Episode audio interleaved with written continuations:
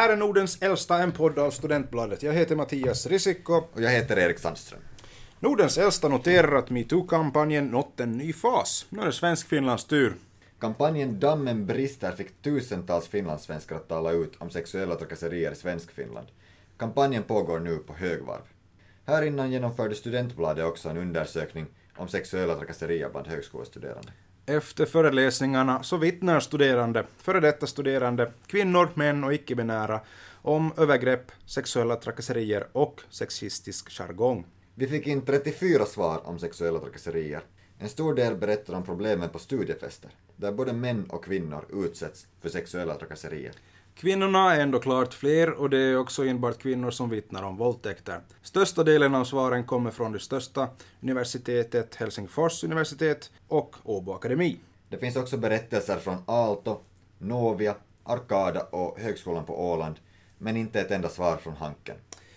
Det här är allvarliga berättelser som vi har tagit del av och det är bra att tystnaden nu bryts. Sexuella övergrepp är inte accepterat. Studiefesterna verkar enligt de uppgifter vi har tagit del av vara den plats där sexuella trakasserier sker.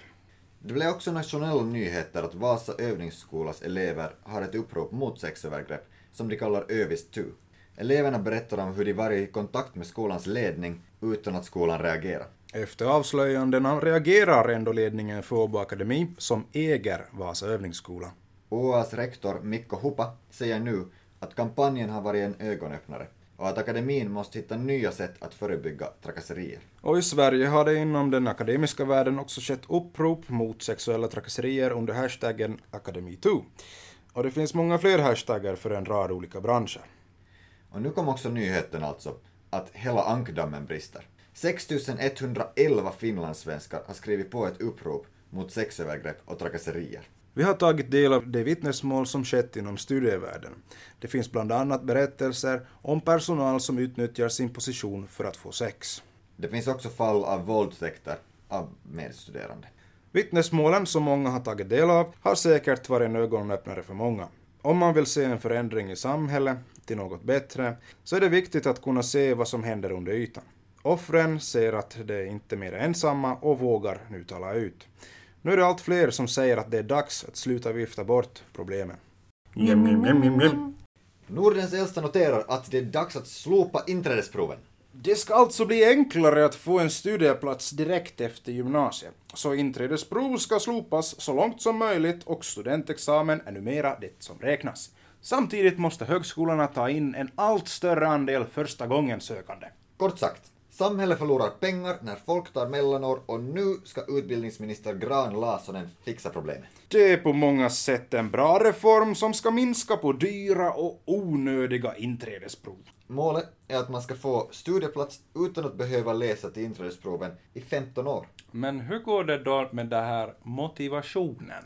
Det sägs att inträdesproven mäter din motivation och ditt kunnande och ger dig ett hum om studierna. Många oroar sig nu för att flera kommer att avbryta sina studier om man bara kommer in med betyg. Men det finns inte något samband mellan studieframgång och resultat i inträdesprovet, så den myten kan vi spräcka.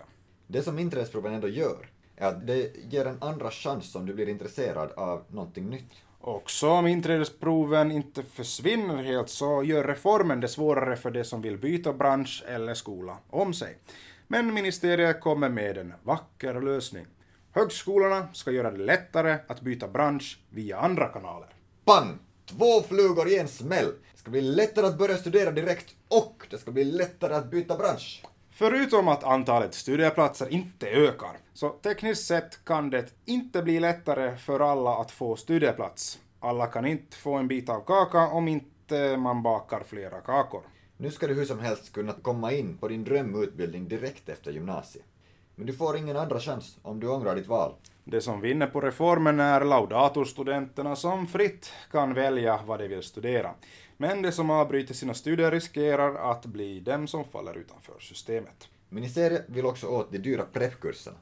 Men risken är att det bara uppstår en större marknad för preppkurser inför studentskrivningarna istället. Men vad händer då med gymnasieeleverna?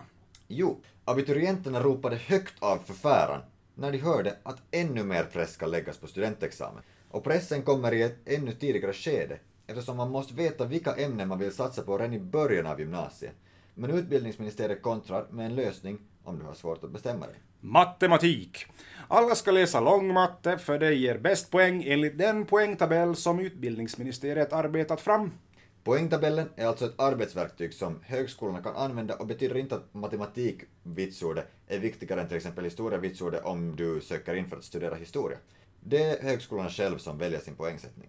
Det stora problemet är ändå den signal tabellen ger. Vi får alltså höra att matematik, språk och fysik är det viktigaste. Ingenting annat spelar så stor roll. Det påverkar inte den som redan bestämt vilken karriär de vill satsa på, men hur många vet egentligen vad de vill göra med sitt liv när de är fullt 16 år? Då är den naturliga reaktionen att spela säkert och välja bort filosofin till förmån för till exempel fysiken. Och här lägger vi grunden för en kris. Nu talar vi inte om krisen som grundar sig i att alla arbetslösa filosofilärare och vi talar inte heller om hur ingenjörer är bra på att bygga bomber medan humanisterna är bra på att förklara varför vi inte ska använda dem. Vi talar om en ekonomisk kris. Se på vad som hände i Ryssland efter att oljepriset imploderade. Hela den ryska ekonomin föll pladask eftersom det var för, den var för ensidigt beroende av olja.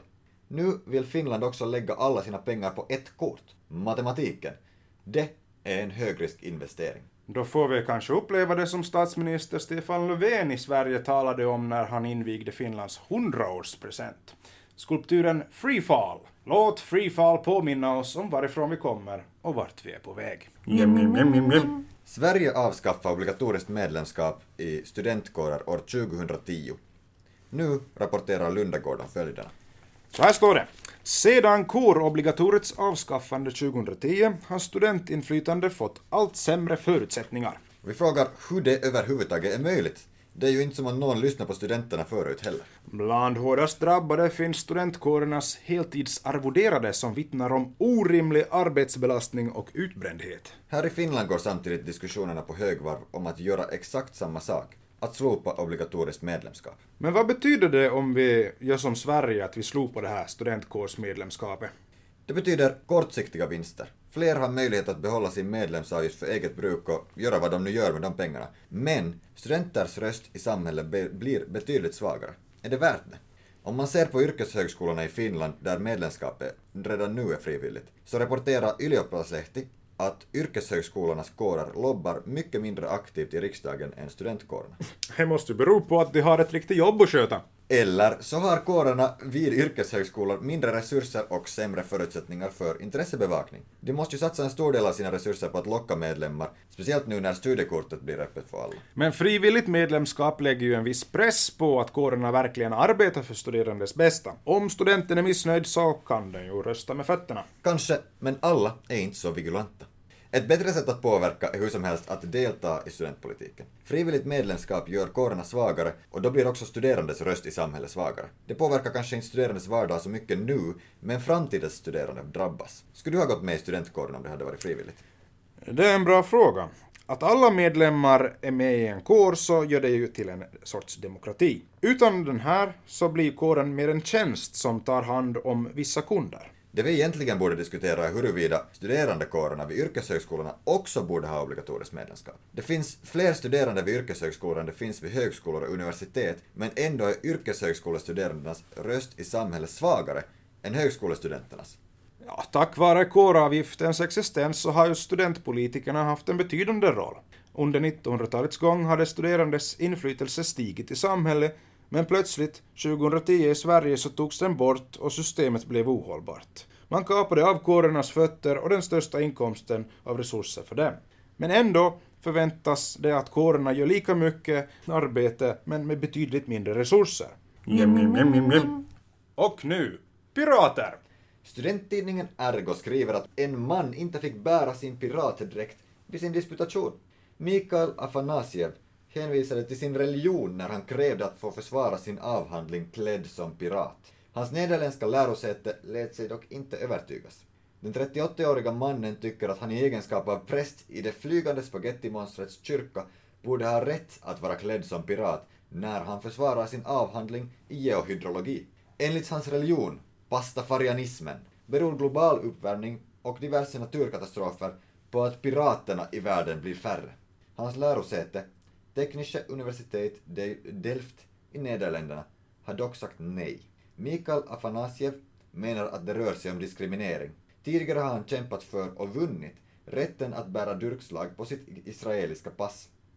Universitetet har ännu inte gjort något offentligt uttalande i frågan. Mjäm, mjäm, mjäm. Finlands utrikesministerium börjar med en global broadcasting. Ja, under 12 timmar kommer ministeriet att sända live från ett rullband i Prisma i Kari, som är den största marketen i Helsingfors. Det finns något trollbindande med ett rullband och andra personers varor, säger Petra Teman, en direktör på utrikesministeriet. Inte annat än att jag blir lite rädd för den här teman. Men jag håller mina varor för mig själv. Nåja, på aftonen till självständighetsdagen ska de med den här broadcasten få ihop Finlands befolkning och locka även andra tittare på Globen. Ministeriet menar att vardagen är det bästa med Finland och det är även det som de vill visa upp för världen. Varuhandel är mindfulness som bäst och som roligast, säger ministeriet. Why are we still here? Just to suffer? S-gruppen hade i sommar också gjort en liknande livestream. En miljon personer tittade på livestreamen på Facebook. En talesperson från S-gruppen sa att det, rör, det gör det här nu igen för att den förra livesändningen var så populär och nu vill de göra det på en global nivå. Det som är fascinerande är att där i Finland så bor det fem och en halv miljon människor ungefär och att en miljon finländare väljer att titta på varor som rullar förbi på ett kassaband. Men vad ska vi nu döma? Det är ju en bra uppvärmning inför den direktsända självständighetsbalen dagen därpå.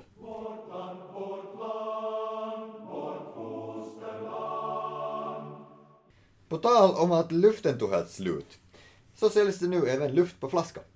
Och inte nog med det, så finns det Finland 100 luft.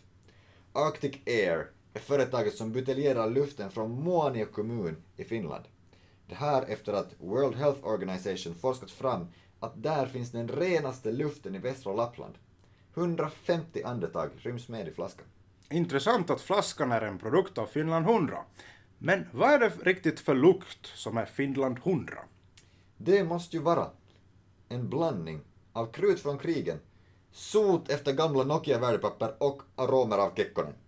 Ja, det här var allt från Nordens äldsta denna gång. Mjäm, mjäm, mjäm. Och nu, live från Prisma, kassan i Karin. Kondomer, fisk, batonger, glass och nudlar och mjöd. Blöjor, med automater, cigaretter och öl. Plättar, ljus i ben och fläs i papper och lök. Galle, anka, fatses, blå och sik som är rökt. Vem är det som har köpt det? Ja, jag undrar. Jag undrar hur, jag undrar när. Varför började vi titta på det här? För allt som sveper förbi är bara ren idioti. Jag tittar bort, jag tittar ner. Något ser tillbaka, vad har jag för fel? Det går inte förbi. Jag behöver terapi. Tjo, da, da, da, da, da, da, di, da, da. Da, da, da, da, da, di, da, da. Nu får jag ramp. Finland hundra, det är ett kassaband. Finland hundra, nu är det dags att byta land. Hakkarainen, Tuomi, Ojat, Linge och Kik. Niinistö, ministrar, diplomater och freaks. Supercell och Henriksson och Orpo och Strand. Sanni, Isaac, Eli, Otto, alla skakar hand. Men varför är de bjudna? Ja, jag undrar. Jag undrar hur, jag undrar när. Varför började vi titta på det här? För allt som sveper förbi är bara ren idioti. Jag tittar bort, jag tittar ner. Något ser tillbaka, vad har jag för fel? Det går inte förbi. Det går inte förbi. Det går inte förbi. Jag, jag behöver terapi.